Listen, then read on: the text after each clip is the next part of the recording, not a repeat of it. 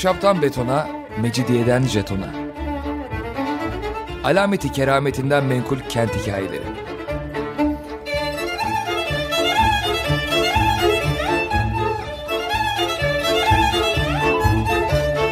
Hazırlayan ve sunan Pınar Erkan.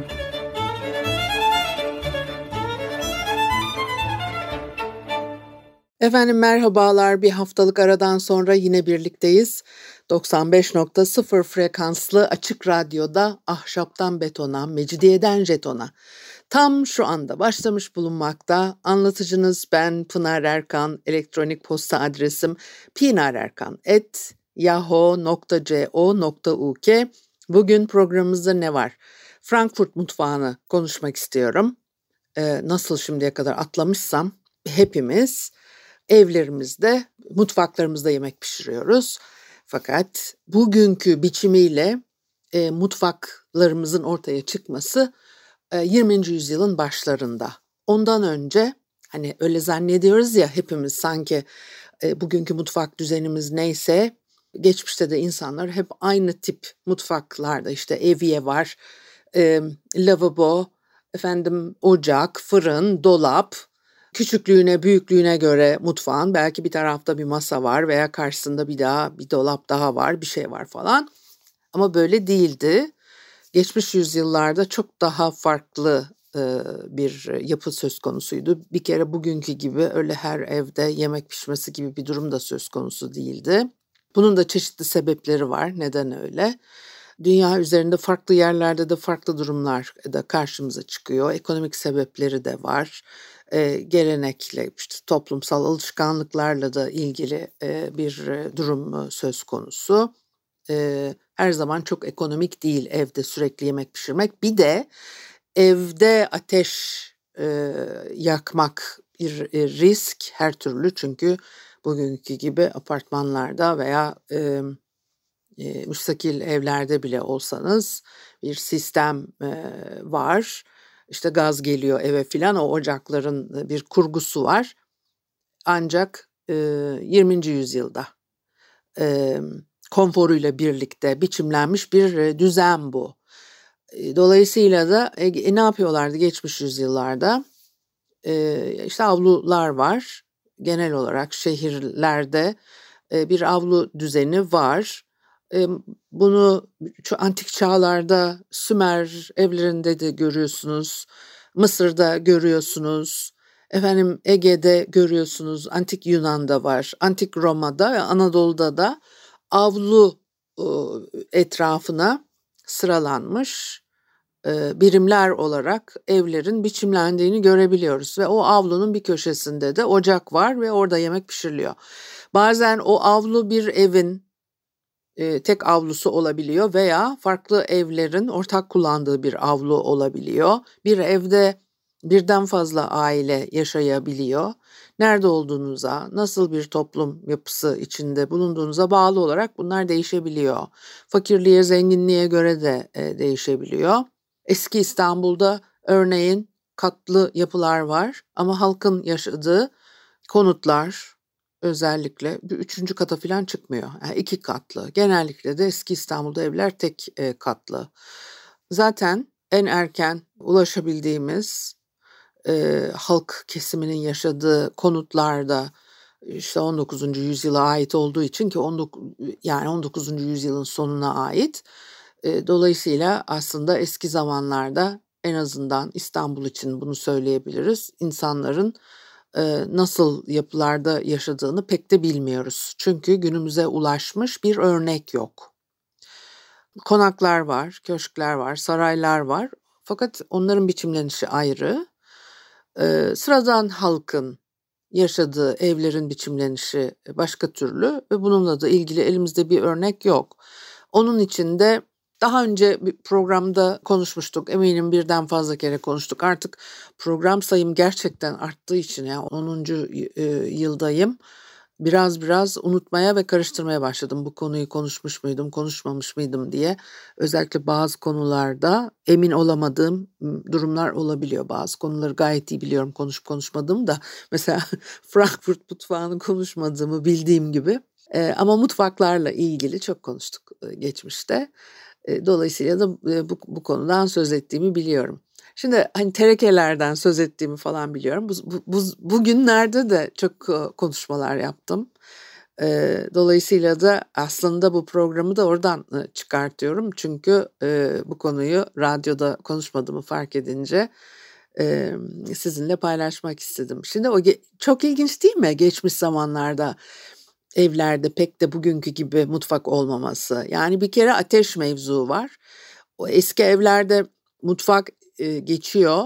Fakat mutfakta yemek pişirileceği anlamına gelmiyor filan. Hani mutfak geçse bile veya ocaktan veya fırından bahsediliyor. Fırında fırın olması yine o mekanın mutfak olduğu anlamına gelmeyebiliyor. Daha ziyade e, Avrupa'da gördüğümüz bir biçimlenme var. İşte yaşama alanı olarak kullanılan mekanda bir ateş yanıyor. O ateşin üzerine bir e, kap asılı ve orada sürekli pişen işte bir yemek, bir çorba türü bir şey var ve o e, hiç sönmüyor o ocak. Neyse kış zamanlarında en azından. O yemekte sürekli bir şey var. Yaz zamanlarında da yani bir şey pişirilecekse mekanın içinde bir yerde ateş yanıyor. Bizde bu pek de görülen bir şey değil veya çok az görülen bir şey. Hani o yemek pişir, pişecek de bir yerde böyle bir hani şömine tarzı bir şey ve orada da evin ahalisi de yaşayacak çok az görülen bir şey. İşte kuzinalar var. Onların üzerinde tabii e, yemek pişebiliyor veya sobaların üzerinde yemek pişebiliyor ama burasının mutfak olmasıyla aynı anlama gelen e, bir durum söz konusu değil. E, farklı bir takım uygulamalar e, olmakla beraber bir de tabii dolap yok yani buzdolabı yok. Tel dolaplar var. Soğutmak, yiyecekleri saklamak gerçekten sıkıntı. Bunun için işte kuyular kullanılıyor. Su da akarsu da yok evlerde. İstanbul'da da akarsu yok. Yani o çeşme suları geldiği zaman dahi cidden iki konağa mı ne ayrıca bir hat döşeniyor da işte su akacak. E, su mevzu gerçekten çok yakın zamanlarda şehirde bile e, konfora e, ulaşılan bir alan olarak karşımıza çıkıyor. E, dolayısıyla da bir kere her evin kuyusu var. Her evin olmasa da büyük oranda kuyulardan su sağlanıyor. Onu da içmek için kullanmıyorlar da diğer bütün ihtiyaçlar için e, suyun kullanıldığını görüyoruz. 19. yüzyılda biliyoruz ki yine kar kuyuları var.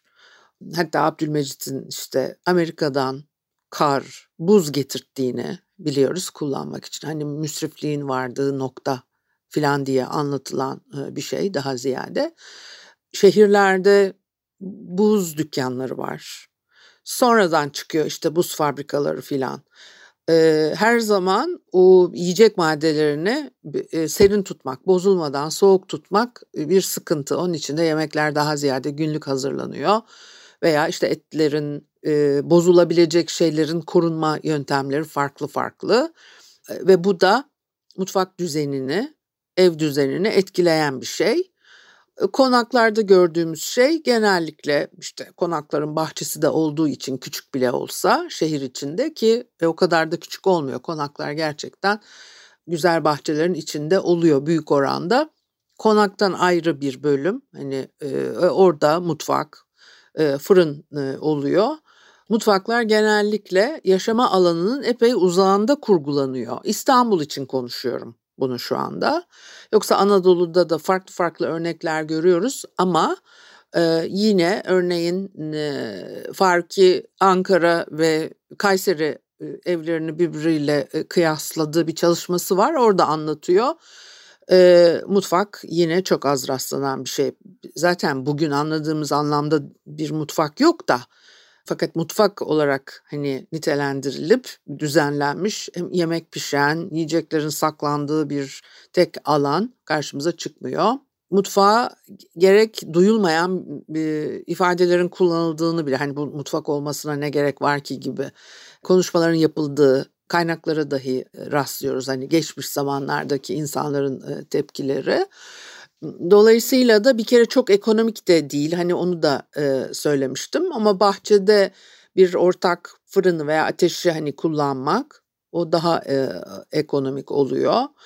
İstanbul'da 19. yüzyılda var profesyonel aşçıların pişirdiği yemekleri para verip hani eve almak. Daha ziyade bekarların yaptığı bir şey. Gene e, bir aile evinde çok da fazla görmediğiniz bir şey e, olarak karşımıza çıkıyor. Köşklerin konakçıların konakların zaten aşçıları da oluyor. Ama e, sıradan ahali için e, geçerli e, olan bir şey değil bu. Dolayısıyla konfor alanını düşünsenize yani o eski e, e, evlerin e, biçimlenişi hani çok hayranlık e, duyulan evler genel olarak şimdi söylüyorum Avrupa içinde e, İstanbul içinde her yer için geçerli olacak bir şey. O bizim bugün alıştığımız konfor yeteri kadar yok. Ya mekanların birbirleriyle ilişkileri de her zaman çok şahane olmayabiliyor. Ve hani şimdi kalorifer falan yoksa bir yerde durmak istemiyoruz.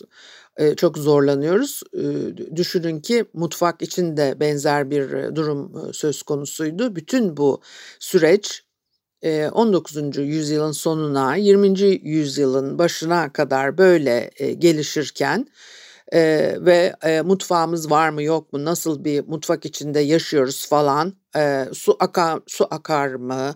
Efendim işte e, hava gazıyla zaten kullanılmaya başlıyor. Bir noktadan sonra mutfaklarda e, ateş ocak yanmaya başlıyor filan. Ama bir komünist kadın geliyor ve bir mutfak tasarlıyor. 1926 senesinde bu mutfak sergilenmiştir ve ondan beridir de hepimiz hem batılı ülkelerde hem e, Türkiye'de bu mutfak tipini e, kullanıyoruz. Bir müzik arası verelim ondan sonra neymiş onu devam edeceğim. Efendim Açık Radyo'da ahşaptan betona, mecidiyeden jetona devam ediyor. Haliyle Pınar Erkan'ı dinlemektesiniz ve de Frankfurt mutfağını e, konuşuyorduk.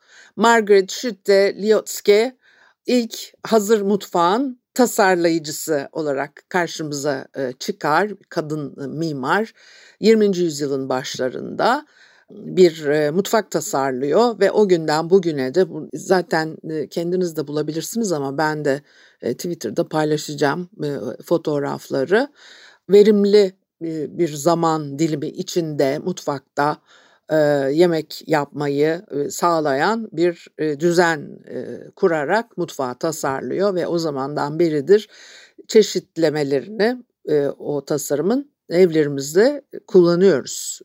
Genel geçer, yaygın mutfak tipi. Çünkü mutfağın içinde hangi hareketleri yaptığımız belirlenmiştir e, su, ateş ve yemek pişirilecek olan alanla ilişki nasıl olmalı? Uzaklıklar, mesafeler ne kadar olmalı? E, en konforlu e, biçimde çalışabilmek için mutfakta bir hani mutfak üçgeni dediğimiz bir şey var e, mimarlık eğitiminde öğrencilere de verilen bir şeydir bu. Öyle kafana göre mutfak tasarlamazsın da e, belirli ilkeler doğrultusunda bunu yaparsın ve e, o mutfak e, üçgenini de mimar olarak mezun olan herkes bilir.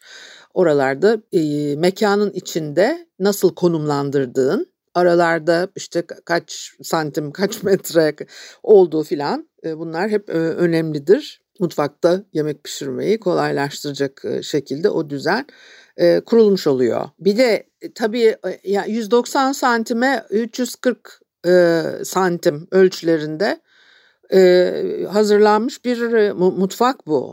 Onun için varyasyonları dedim yani büyüyebilir, eklemeler yapılabilir. 1920'li yılların işçi evlerinde özellikle tabii sınırlı bir mekan var. Dolayısıyla da o alanı en e, verimli şekilde kullanılmak üzere tasarlanmış bir e, mutfak ve de e, öyle etkin bir düzenlenişe sahip ki yapılması gereken işler arasında geçen vakit bir e, kronometre ile ölçseniz hani bu mümkün. Çünkü bir de Taylorizm denilen bir e, akım var. O dönemde e, fabrikalardaki işçilerin e, hareketleri işte inceleniyor ve de boşa vakit harcamadan en verimli şekilde üretimi sağlamak üzere işçilerin hareketleri e, yönlendiriliyor. Gerçekten de e, çok iyi verim alınmıştır. E, üretim safhasında fakat bu işçileri hastalandıran bir şey çünkü bayağı sizi makinalaştırıyor.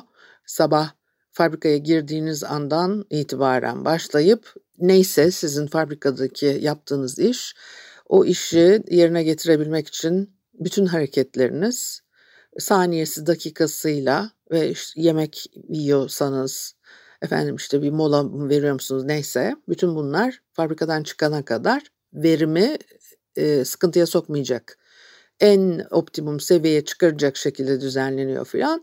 E, böyle bir makinalaşmış insan e, e, çok sağlıklı e, olmasını tabii bekleyebileceğimiz bir şey değil.